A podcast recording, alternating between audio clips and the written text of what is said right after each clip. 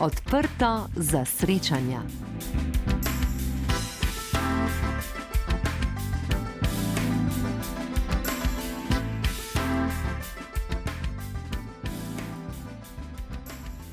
Poslušalke in poslušalci, nocoj vam predstavimo 22-letnika, ki je veljal za čudežnega dečka kajtanja.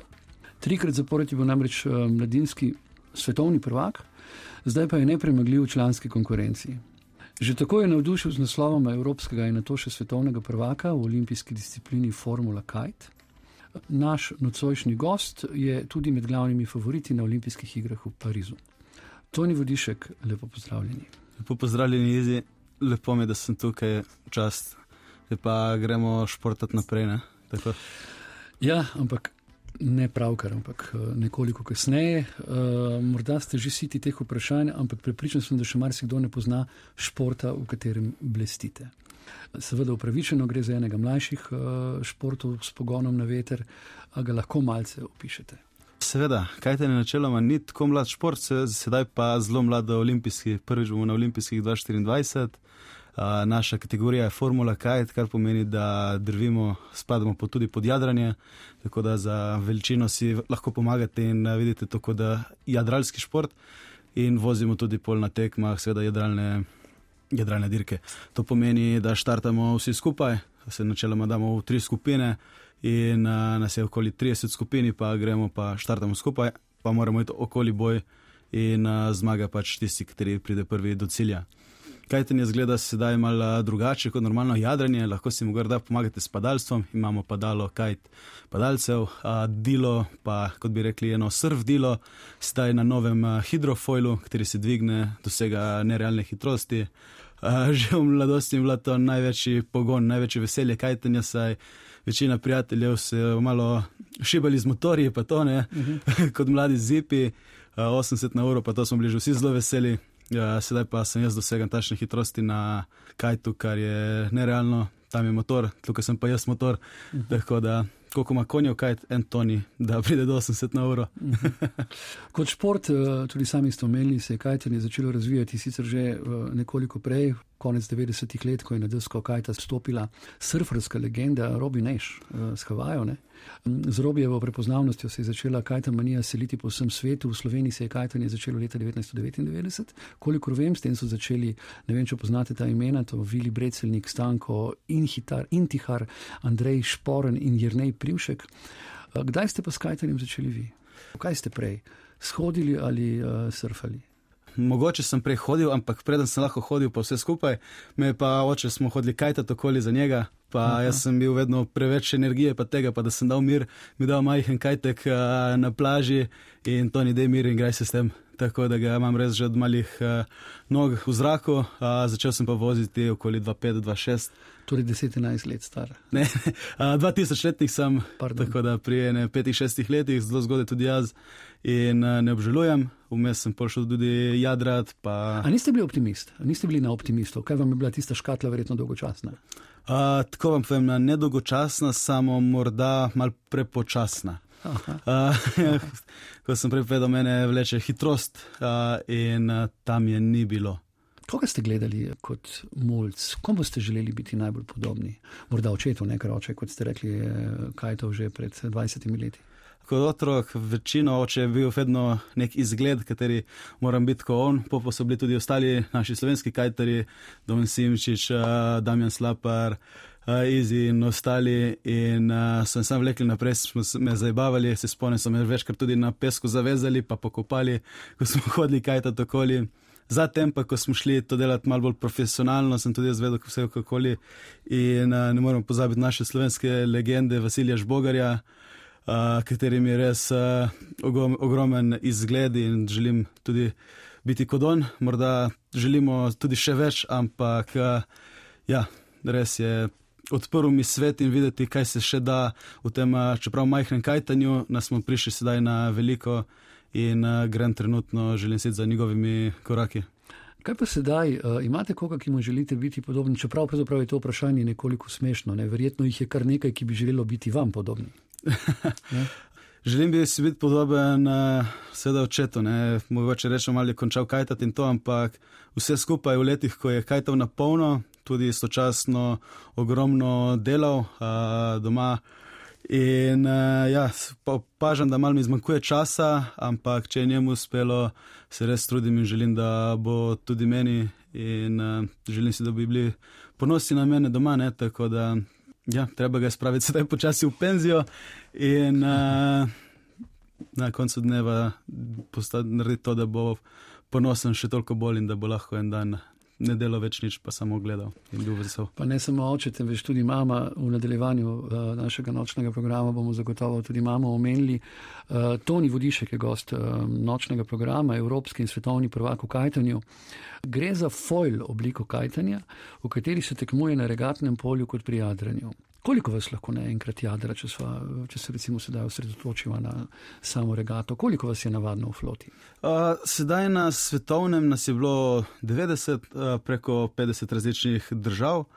Uh, in so nas razdelili v tri različne flote. Tako da 30, 30 na štartu, kar je že res veliko število, štart postane kar uh, zakrčen, majhen, ampak je pa tam sedaj narediti uh, eno manjšo razliko, ko se znaš uh, hitro med ostalimi izo, izogniti, izmuzniti, pa malo hitreje štartati. Štart je zelo pomemben. Ne? Zelo pomemben je, ampak je, kot bi rekli, dvojstranski meč. Lahko dobiš dober štart in zletiš naprej, lahko pa, glede na to, da nas je toliko na štartu, se zelo hitro pride do kakšnega zapleta. Ampak, eh, ja, po mojem, imam jaz le na štartu eno malo prednost in uh, jih imam toliko že naštudirane, da, da, da ja. Torej, tri skupine po 30 in potem na kakšen način se uh, zoži konkurenca? Uh, zožamo se, načeloma traja 6 dni. Prve tri dni imamo qualifying series, kar pomeni, da se teh 30 uh, treh skupine uh, mešajo. Mešajo se pa na začetku, prvi dan se meša po rank lestvici, zatem se pa meša po rezultatih, katere naredimo na tekmi. Uh, pol gremo v uh, zlato, srebrno, pa bronasto skupino, kar pomeni prvih 30, mestnih pa zadnjih. Uh, za zadnji dan pa imamo pol uh, Final Series, uh, kjer se pa gre prvih deset naprej.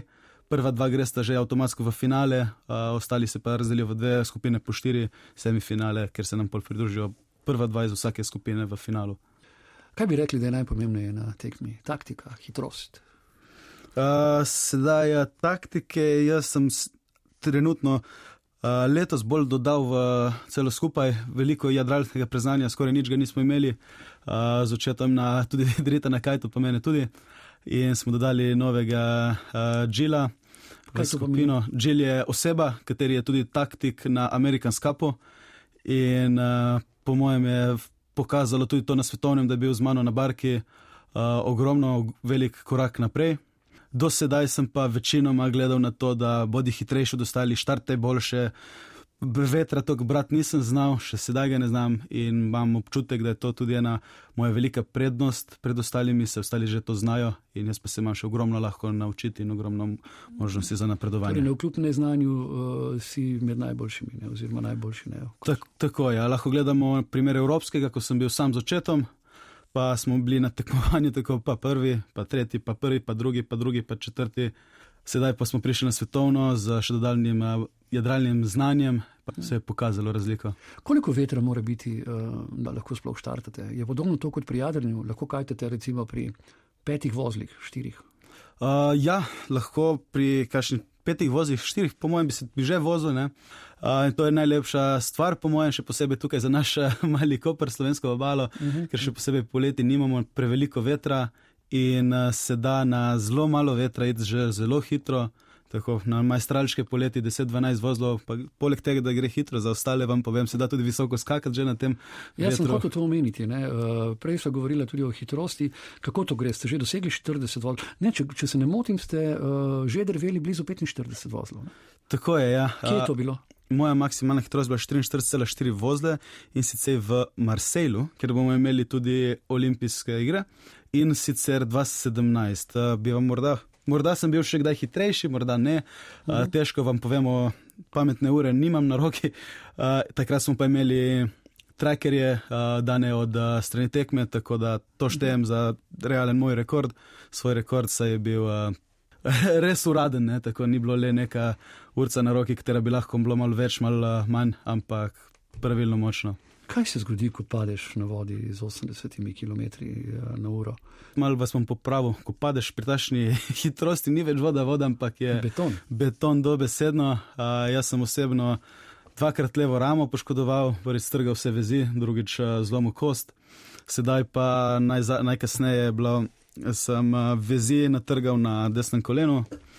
Dva tedna nazaj vam povem, mogoče za zanimivost, je kolega, tudi smo trenirali skupaj pa je padel, pa je spodnji del hrbta malo na lomu. Tako da res atraktiven, zanimiv, zabaven šport, ampak zna biti tudi nevaren, ampak kot vsi ostali. No. Se mi je že kdaj zgodilo, na to sem pomislil, da ste trčili ob kakšno ribo večjo? uh, definitivno večkrat. Uh, Le dvakrat se mi je zgodilo, da je, da je tudi riba bila tako confused, pa slaba, da je priplavala na vrh ampak na srečo smo vedno, vedno vedeli, da je odplavala. Uh, ampak zelo boli, no. tudi ribo, tako kot mene, uh, sedaj, če zadanemo ribo. Seveda. Recimo, ok, je normalno v morju. Uh, slaba stvar je ta, da prvič, ko sem zadev, sem zadev plastično vrečko, ko sem strgal vezi. Tako da bi spodbudil vse, da recikliramo, pa tako pa da obdržimo naše morje čisto, saj imamo le enega. Poslušajte, radio Koper. Primorec, Koprčan, Toni Vodišek, izjemni kajter, nosilec celinske in svetovne krone, je gost našega programa. Uh, Toni, prej so govorili o skokih s kajtom. Kako visoko nad valove vas lahko odnese? S mojim kajtom osebno sem skakal okoli 20 do 25 metrov maksimalno. Sedaj je pa en uh, fant, Jamie Olblik, naredil nov svetovni rekord in sicer 35,3 metre tako da kar letimo. Ne? Kaj torej ste neprestano v stiku z morjem? Rekli smo, da se veliko krat okopaš in sploh po zimi uh, ne more biti prijetno. Glede na uh, vse te pace, ki ste jih že doživeli, me zanima, kakšen je dress code, kakšna je oprema. Obvezna oprema najbrž. Obvezna oprema na tekmi je seveda poleg uh, life jacketa, to je rešilni opič, ja. tudi čelada katere osebno na treningih ne nosim, saj s padcem začela do obmorja udarcem pride hujše, kot pa če bi udaril brez. Na tekmi pa pomembno med, da če se kdo zabiješ s kom ali kaj, da te tudi zavaruje pred uh, trdimi objekti od drugih. Uh -huh. uh, za kakšne bolj hladne kraje, seveda se vzame uh, neuprensko obleko, katera nas pol drži toplo, ampak najboljši na svet za vse je ne past. Valovi so lahko tudi petmetrski. Ne? Vem, da imate tako izkušnjo na kitajskem, jo lahko malce delite z nami. Kako ste tedaj odnesli celo kožo? Ja, 2019, sicer kitajska Ping Ten je bila po mojem ena najbolj ekstremnih tekem, ki sem kadarkoli doživel. Pihalo je 30 vozlov plus, ogromni, ogromni valovi. 30 res. vozlov, to je 60, ne koliko je 30 vozlov? 30 vozlov 60, je 70 na uro. Ne? Tako, ja, ma, če me ne vprašaš, bilo 30 do 40, kdaj, res, res ekstremno, z tako ogromnimi valovi. Sedaj imamo več različnih valov, imamo dolge, lepe. In imamo pa tudi kratke, ne tako lepe, ne? Mhm. tako da, ko se vse skupaj da imaš te velike, dolge valove, na katerih so pol še manjši kmetrski valovi, zelo, zelo smotano, še posebej manevrirati okoli tega. In uh, meni se na tej tekmi zgodilo pred zadnji dan, da mi je foil prišel ven z vetrom dol, ko smo vozili downwind, tudi okoli 80 na uro. Uh, na srečo ni bilo večje poškodbe, le da sem priletel in zadev točno na pljuča. In uh, nekako sem šel odvozil, pol sem imel še malo do cilja, srečno bilo zadnja regata dneva. Prišel sem pa ven z manjšim pretresom možganov, pa nekaj časa nisem mogel dihati. sem pa imel srečo, da vsega skozi sem bil dovolj spredaj, da ta ena, katero sem padel, mi ni tako pomenila, pa sem še vedno lahko zmagal, pol vse skupaj. Uh, glede na to, da ste evropski in svetovni prvak, kaj imate, po vašem mnenju, kar ostali nimajo?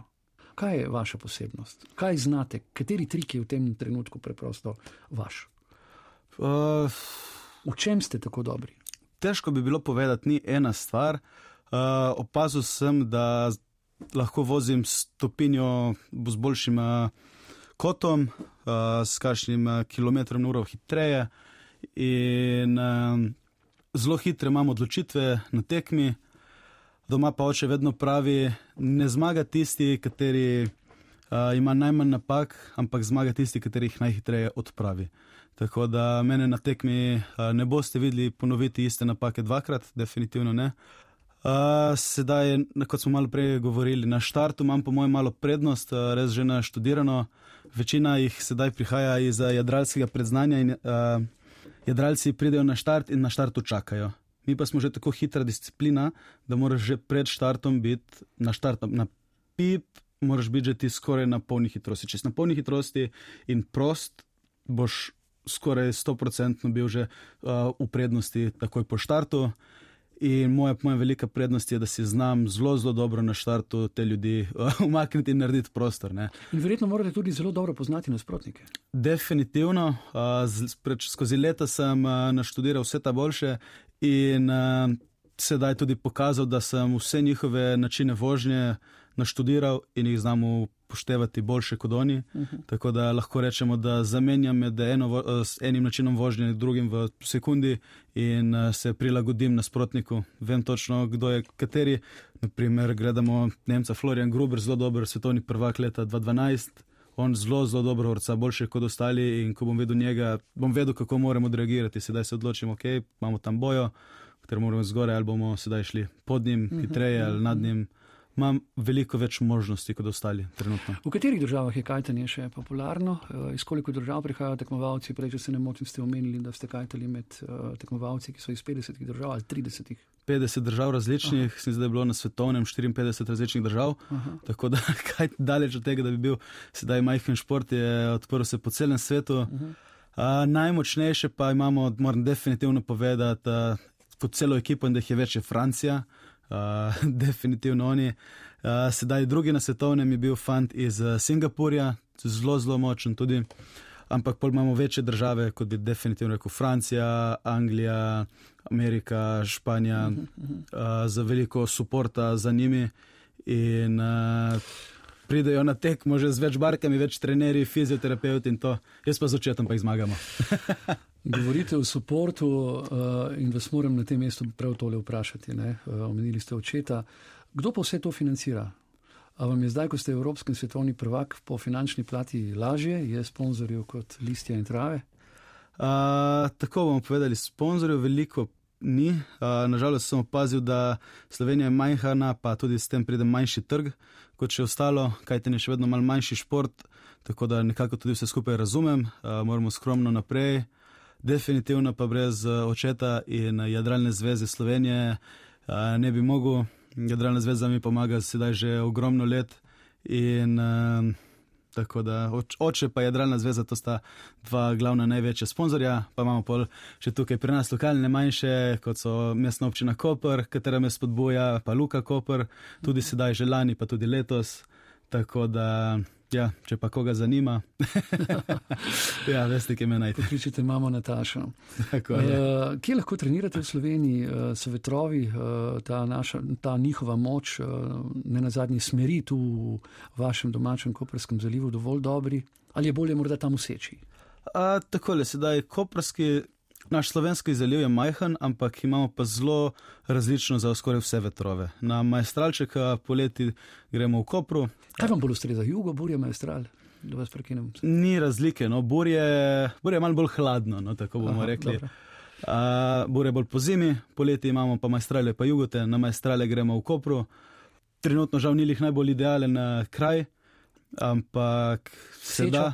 Seča. Seča, tudi seča, pa gremo na jugoteno, tako do ribiča. Kaj pa na Hrvaškem? A, na Hrvaškem sedaj veliko nisem bil. Prementura bo. V zadnjem času ne. ne? A, bil sem pa veliko jug Italije, Kalabrija mi je zelo všeč. Ne smemo pozabiti neretve. Neretve, tam se je vse skupaj začelo, tudi učil sem se kajtati ja. dol na Hrvaškem. Tam se da. radi vrnete. Uh, ja, sedaj že dolgo nisem bil tam, pa mojem lahko rečemo, da sem neretvo zamenjal malo z Kalabrijo. Ampak uh, vse se je začelo narediti, tako definitivno. Mogoče tole predpostavljam, da se zaradi trapeza teža vlečenja kajta porazdeli po celotnem telesu, zato kajtenje zahteva vrhunsko telesno pripravljenost ne? in veliko moč tudi v zgornjem delu trupa. Trenirate tudi na suhem? Uh, seveda, definitivno. Uh, na suhem treniram. Imamo fizičnega trenerja za fitness, Matic Stepeš, uh, zatem uh, Ja, trenerja za ravnotežje, pa telesno pripravo, telesno vzgojo, Rado Gregorič. In ne moremo pozabiti, tudi telo je en del, a druga polovica pa glava, a, katero delam pri Arjenu Rapošu. In, a, ja, veliko... Kako delate glavo? Uh, delamo na, mental, uh, na mentaliteti, na kako se reče. Uh, dosti veliko tudi dihalnih vaj, uh, pa sprostitve, pa beseda mi je šla z glave sedaj. Um, ne pomembno. Ne, ne, zelo, zelo pomembna, zelo definitivno, zelo pomembna. Motivacija. Meditacija. Meditacija. Meditacija, ja, veliko pride tega. Uh, na morju se zelo hitro kaj spremeni, uh, morje pa veter so neprevidljivi in uh, močna glava, mentaliteta je zelo, zelo pomembna. Že cel čas govorimo, govorimo o tem, da vas trenira vaš oče. Kako vam gre? Zanima me uh, predvsem ta vaš pogled. Biti oče in trener, hkrati se mi zdi zelo kompleksno. Moram reči, da sem tudi nekoč sam bil v tej vlogi, uh, kdaj tudi zelo težko. Uh, opišite, op, opišite, prosim, ta vajen odnos. Oče, trener, pa še za če, uh, češnico na i, pikice na i, tudi šef v službi. Uh, definitivno ni lahek. Uh, oče kot oče, odnos kot odnos. Uh, smo pa skupaj uh, res ogromno dosegli in sva ekipa, da te skipa. in uh, ja, po mojem, ta odnos je šel še mal dlje kot nek prijateljski odnos. Ne bom rekel, da se nikoli kaj ne skregava, ne pride kaj vmes, vse, ampak na koncu dneva pol se drug drugemu vedno oprostimo, smo prijatelji in uh, gremo naprej. In po mojem, ta del, kot smo rekli prej, napake treba čim prej odpraviti. Tudi pri nas, kar je slabo v odnosu, se takoj odpravi in uh, to nas omogoča prijeti tako daleč. Tekmovalno ste tudi odnesli od njega, ne? Definitivno, dosti od njega, ogromno od nonota detka, zdaj sem igral veliko šaha, enkrat me ni pustil zmagati. tako da tekmovalnost je. Kaj bi pa rekli, da ste po mami odnesli? Po mami sem odnesel najbolj pomembne stvari, kot so velike močne noge in apetit, katerega definitivno potrebujem za športcaj, ki le nekako delajo hitrost. In ja, oče je že rekel, da jo je videl in je rekel, da ga ta otrok bo močen, da pravi za to. Ste v življenju tak, sedaj ko vas poslušam, ko razlagate stvari, tako nekonvencionalen, improvizatorski, neuniformiran, neukrotljiv? Uh, tako, plani se delajo, ja, ampak vedno pride, ogromno krat se pride kaj vmes, hitro je treba improvizirati. Uh, bolj po mojem bi rekel, en trade za sebe je iznajdljiv. Hitro se znajdemo in uh, gremo pol uh, naprej. Poslušate radio Koper. Ja, tudi iznajdljivega kajterskega evropskega in svetovnega prvaka Tonija Vodiška gostimo nocoj. Nismo še rekli nič o vašem dnevu, kakšen je vaš dan. So vsi dnevi enaki, je fokus zgolj kajtanje, greste morda kdaj na morje, kar tako?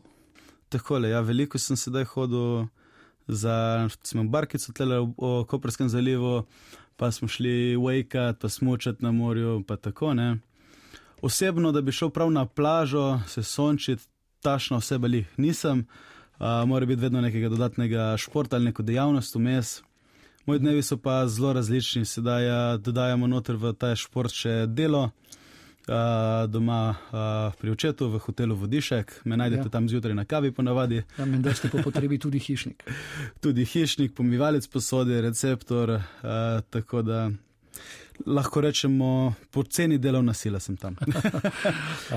Ampak ja, dodat, dodajamo noter pol še fizične priprave, fitness, stadion in ostale stvari.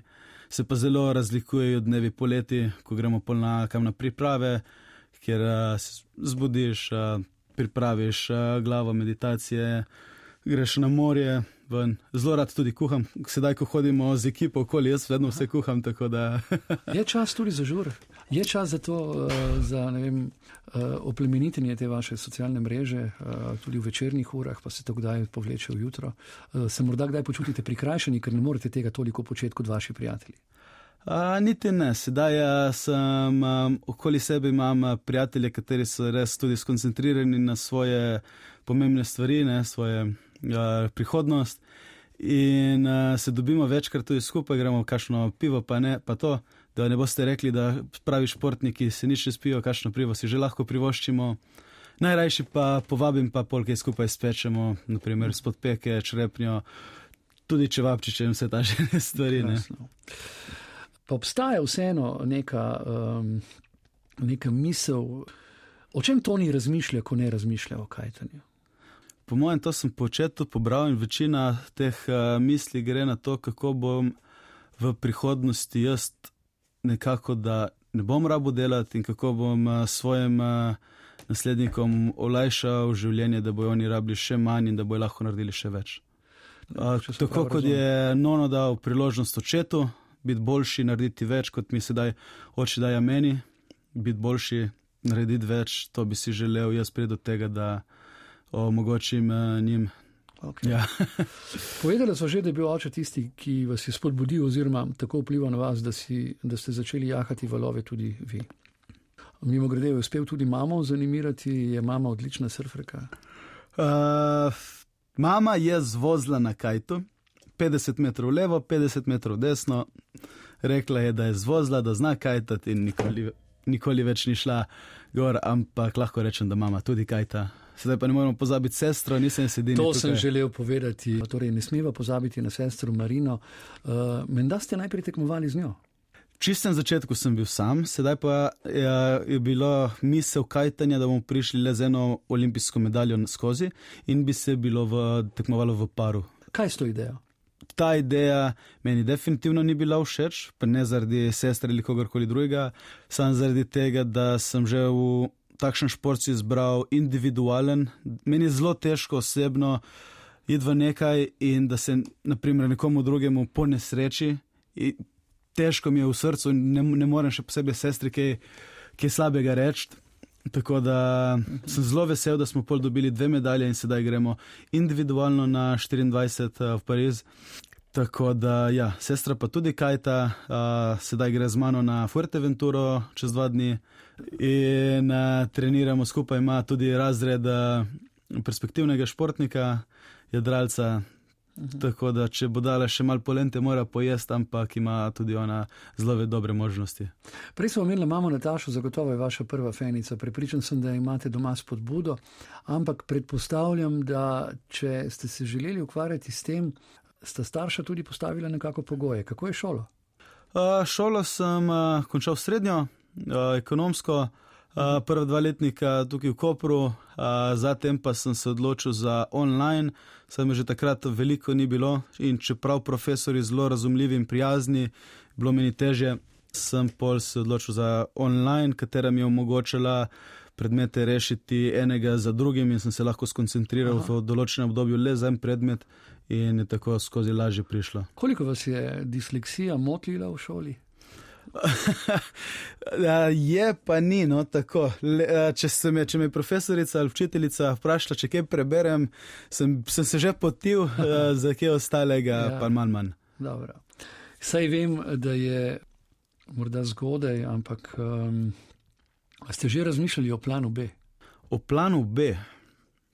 Ja, jaz imam plan A, kateri sedaj imamo tukaj olimpijske, imamo nadaljevanje družine, imam že tudi svoj v planu, a neke ideje, kaj bom, kaj ne, kaj zakaj. In po mojem je plan A tako velik, da tudi če ga pol razpade, je definitivno boljši kot kašen plan B ali C.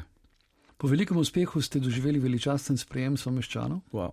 Uh, ste opazili kakšno spremembo, ko se dan danes prehajate po ulici, po ulicah Kopra? Večinoma se ne sprehajam tako, ampak uh, ta sprejem je bil res uh, wow, šok. Uh, vsem, ki ste bili, sem zelo hvaležen. Uh, tudi naši tifozije so prišli, so mi skakali, peli prečudovito. Uh, zahvaliti se moram uh, županu Bržanu, bil tam za me sprejet uh, in uh, res nepozabljiva stvar. Uh, tako kot vsi vi date v vaše upanje na mene se bom res dal v trud, to, da vas ne bom razočaral in da bomo lahko še skupaj kaj spili in skakali od veselja. To ni vodišek, počasi bo zaključila. Po lanski, lahko rečemo, sanjski sezoni osvojili ste, kot sem dejal, kar dva naslova v Grčiji, naslov Evropskega prvaka, 14 dni kasneje v Kaljeriju, torej na, na Sardini, postali še svetovni prvak. Disciplina Formula Kajt, v kateri blestite, bo uh, prihodnje leto doživela olimpijski krst. Kaj si želite? In kaj ste pripravljeni za to narediti? kaj si želimo? Želje imajo vsi ne, in sanje. Ja, jaz sem pa ta, kateri je pripravljen toliko več dati kot ostali. In uh, gremo sedaj najprej prvi cilj, je kvalifikacije, gremo skromno tam, ampak z velikimi saljami. A, tako je, ja, v Ševengenu bomo imeli kvalifikacije, a, ker se prvih osem kvalificira. Tako da hvala vsem za spodbudo, kateri mi gledate, ob, ste stojite ob strani. A, sedaj tudi sem našel boljšo polovico, katera me pelje naprej in a, vse skupaj, po mojem, a, lažje opažam. Enkrat ste rekli, da ne tekmujete zato, da bi bili drugi. Definitivno ne. Torej, zlato. Tako, sedaj je ja, rekli, so veliko mi rekli, že ljudje imamo velik ego, ampak po mojem sem si ga tudi zaslužil. In uh, ja, najprej gremo korak za korakom, z velikim egotom, čeprav korak za korakom gremo zdaj najprej uh, vse kvalificirati in uh, pol pa gremo tudi tam po medaljo, le eno. Nič, dober veter vam uh, želim, če manj poškodb. Uh, pozabili smo sicer povedati, da je bilo teh poškodb kar nekaj, oziroma nekaj ste jih omenili, pa tudi, če se ne motim, ste pravkar poškodovani, pa ne glede, tekmujete. Prav lani, ob tem času pa ste dobili še COVID in to tisto težjo različico, kaj ne? Tako je, ja. ni bila lih, ne vem, če bi bil COVID tako težek, vse še za tem, kar je prišlo, še vnetje v šerca, ledvični kamni in to se vse skupaj jih nabralo v teh treh tednih, kateri so mi kar spustili malo moralo in vse skupaj, ampak doma z družino, z nono, s katero živim, kuha vse, me je nurčarala nazaj na 100% in smo spol tudi se nismo dali. Zanimivo vam lahko povem, za nas svetovno in evropsko z poškodovanim kolenom. Sedaj mislite, da sem se koleno poškodoval na svetovnem, poškodovano je bilo že prej, kar sem zadržal pred vsemi, le trenerji pa fizioterapeutu sem povedal, tako da ni bilo dodatnega stresa doma in uh, sem stisnil in za vse, kateri dvomite vase. Tudi oče ni vedel. Tudi oče ni vedel, nobeden doma. Za vse, ki dvomite vase, vedite, da ste sposobni vsega, stisnite zobe in trdo delati in se vse, da vse, vse, kar se želi, da naredite. Veste, kaj me najbolj navdušuje? To, da imamo občutek, da v tem neizmerno uživate in se zabavate. Definitivno nisem prišel sem jaz uh, se mučiti, uh, kaj ten je, je meni duša in uh, veselje. In definitivno ga ne bi bil ne tako dober, ne upravljal, če se ne bi tako zabaval v njemu naj traja in želim vam, da bi vam uspelo, kar si želite. Hvala, ker ste se odzvali uh, v Bilo in pravzaprav za ta res lep uh, in kul cool klepet. Hvala vam. Ja upam, da se še kje vidimo s kakšnimi boljšimi novicami, pa tudi kakšno težjo stvar okoli vratu. radio Koper. Primorski radio.